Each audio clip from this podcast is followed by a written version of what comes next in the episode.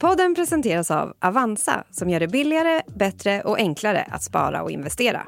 Välkommen till en bank som den borde vara. People who worked hard to serve their communities had their lives and their reputations destroyed. Storbritannien skakas nu av en av de största rättsskandalerna i landets historia. You feel like saying to all of them, how do you sleep at night? Yeah, how do they sleep at night? I centrum står postanställda som felaktigt anklagats för att ha förskingrat pengar från brittiska Post Office. It just makes you so angry that they literally gaslit me for about three years. Den osannolika historien har under decennier kostat både pengar och människoliv. Some of them went to prison, some of them lost their minds, some of them committed suicide. Men det är först nu som offren börjar få upprättelse. We will make sure that the truth comes to light and the victims get the justice they deserve.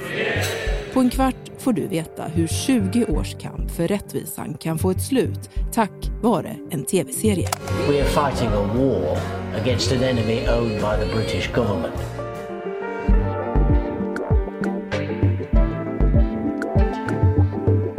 Du lyssnar på Dagens Story med mig, Erika Treijs. Ja, då kör vi då helt enkelt. Ja. Gäst idag är Charlotta Baxton, SVDs medarbetare i Storbritannien.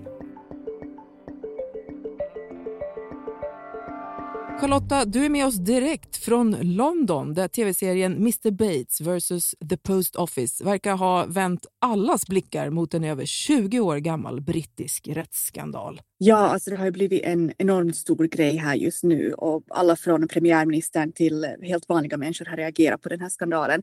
Och jag tror att det beror på att det var de här vanliga tragiska människoödena som lyftes upp i den här tv-serien som gjort att folk har blivit så enormt upprörda över det här. Mm. Men jag skulle vilja att du berättade hela den här historien från början. Vad var det egentligen som hände? Som du säger så är det en skandal som har pågått väldigt länge, sedan 99. Och det var då brittiska Post Office införde ett nytt datasystem som hette Horizon. Det här systemet skulle föra in Post Office i, i den digitala tidsåldern och, och bokföringen skulle ske på datorn. Och de som jobbar för Post Office kallas postmästare. De är oftast egenföretagare. De införde det här systemet, de inskolades i det här systemet. Och sen började de märka att eh, pengar plötsligt hade försvunnit från deras bokföring. They come back with saying uh, you are showing a loss of about 78,000 pounds. Och de kunde inte förstå varifrån de här pengarna hade försvunnit.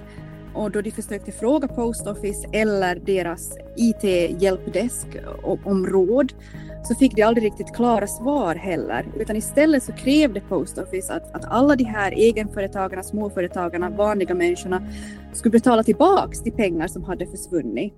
I had to borrow some money of my sister, about 10,000 pounds, and then we had to sell my wife's gold.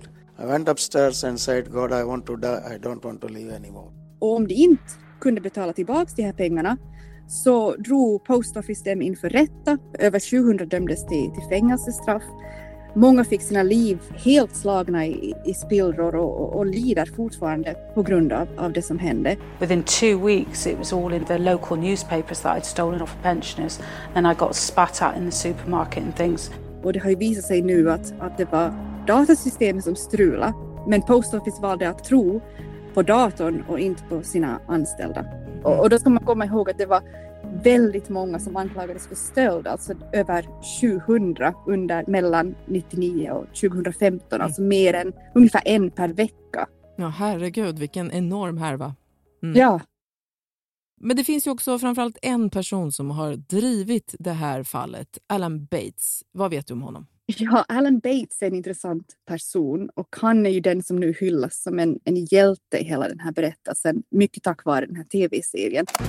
They say money's somehow gone missing from this branch, which it hasn't, and I have to pay it back. So I say, prove that I'm wrong and you're right. Show me the figures, but they can't or won't do that. Alan. So now they want to close me down to shut me up. That's ridiculous. Because they don't want everyone knowing what I know. Och det intressanta är att det här är en berättelse med väldigt brittiska hjältar och skurkar och han framställs som en alldeles typisk brittisk hjälte. Han har på sig mysiga ylletröjor och tycker inte om att ha det för varmt inomhus. Han tycker om sin öl och han vill helst inte prata om sina känslor. Liksom en, en sån, sån mm. typ. Och han har egentligen inte tagit på sig det här uppdraget att hjälpa. Alltså han var en postmästare som märkte att um, pengar hade försvunnit från hans bokföring.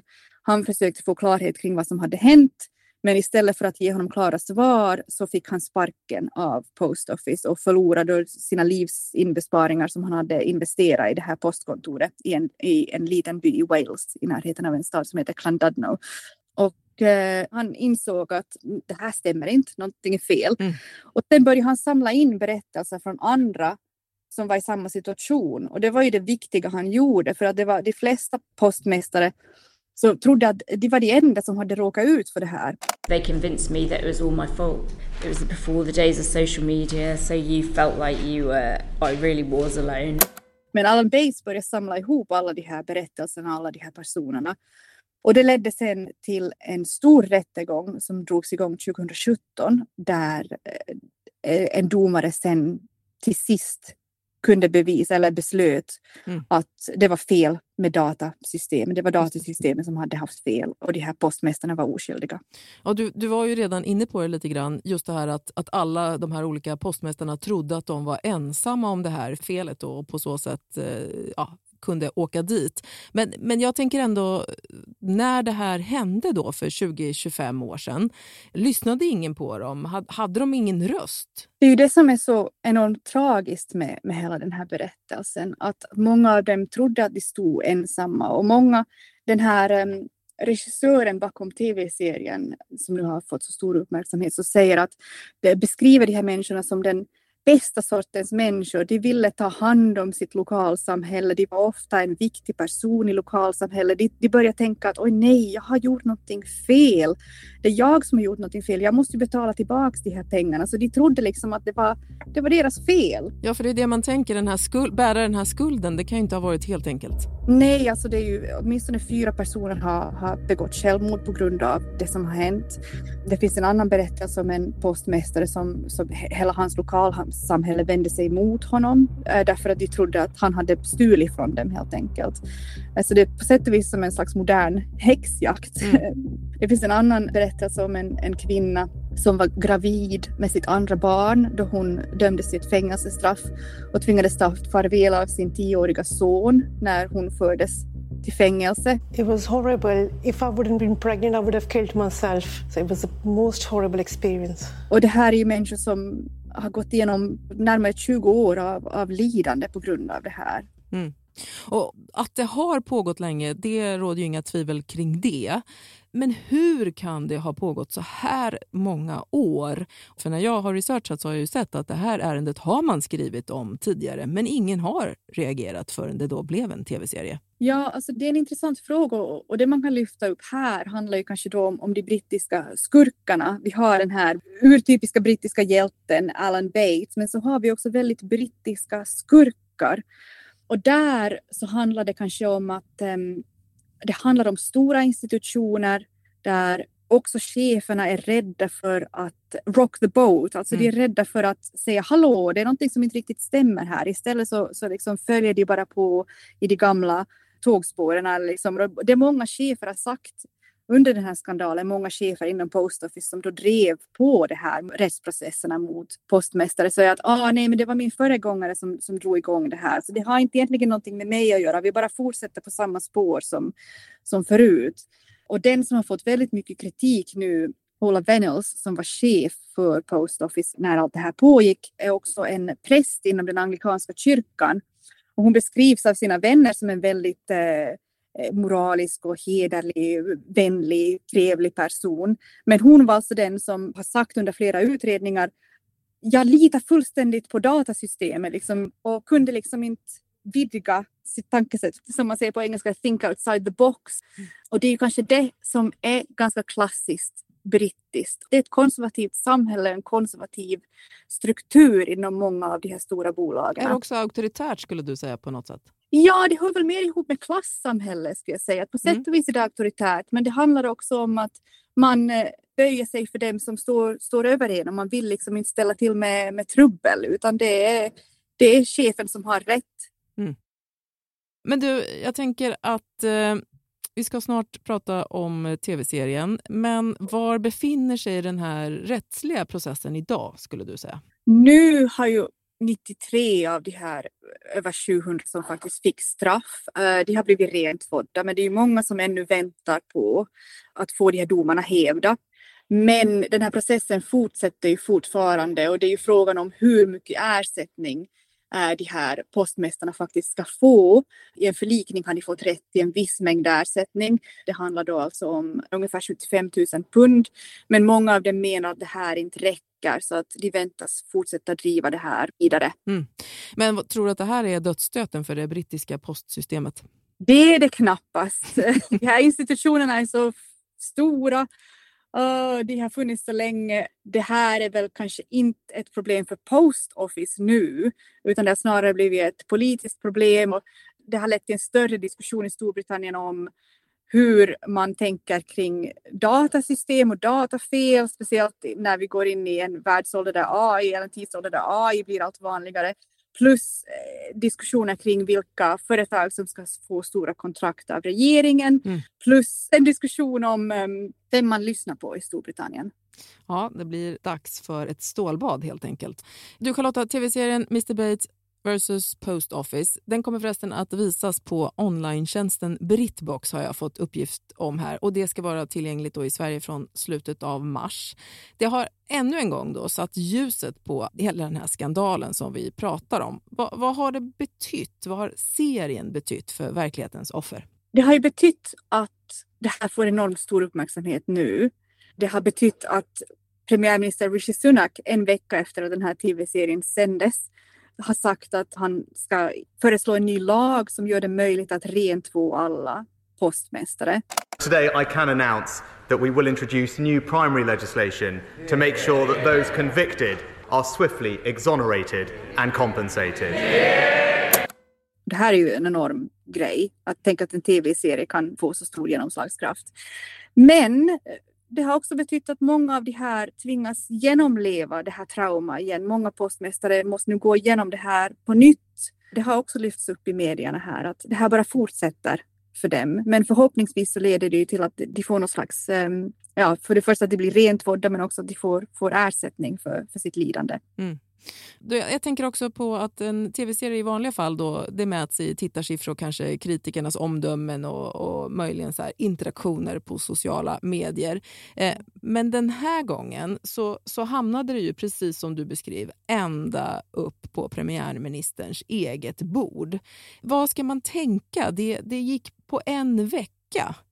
Är det så att eh, fiktion idag är viktigare än verkligheten? Ja, alla tror ju inte på verkligheten längre, så där kan ju fiktion spela en viktig roll när det finns så många som ifrågasätter vad som är verkligt och eh, om de kan tro på den information de ser i, i till exempel tidningar. Men där kan ju ett drama som faktiskt når in i människans hjärta, ja, nå den på ett annat sätt. Men det andra som kanske är viktigt att nämna här är att Rishi Sunak snart förbereder sig för ett nytt parlamentsval. Det väntas hållas på hösten.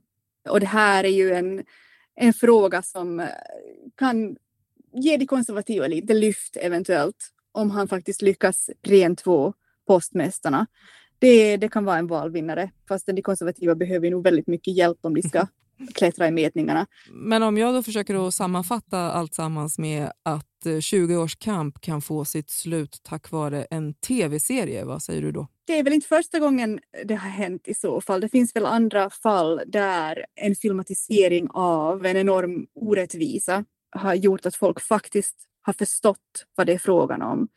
Och ibland så går det väl inte att få fram samma känslor en faktatext, utan det behövs det där extra för att folk ska förstå, riktigt känna med personerna som har gått igenom det här. Och det är det som har hänt i Storbritannien. Folk känner verkligen empati för, för den som har drabbats av den här skandalen. Mm. Och i det verkliga fallet då, ser du att det kan få sitt slut och att upprättelse och rättvisa skipas inom rimlig tid? Det är svårt att svara på för det, det, det liksom, saker går ganska långsamt här i Storbritannien. Ingenting sker väldigt snabbt, så det här kommer att fortsätta ta tid. Plus att, för att citera Alan Bates, som då i samband med en, en utredning över den här skandalen sa att, att ingenting kan ju ge de här människorna tillbaks de år de har förlorat. Uh, ingenting kan ersätta det lidande de har gått igenom. Det faktum är att den här skandalen har hänt och nu handlar det väl för det första om att se till att, de här människorna som har gått igenom det ersätts för sitt lidande men också att utreda varför det hände och se till att det inte händer igen. Mm. Tack Charlotta för att du har hjälpt oss med att nysta upp den här sorgliga men fantastiskt spännande historien. Tack. Producent idag var Daniel Sävström, redaktör Stina Fischer, ansvarig utgivare är Lisa Irenius och jag heter Erika Treijs. Vill ni komma i kontakt med oss så mejla gärna till dagensstory.svd.se.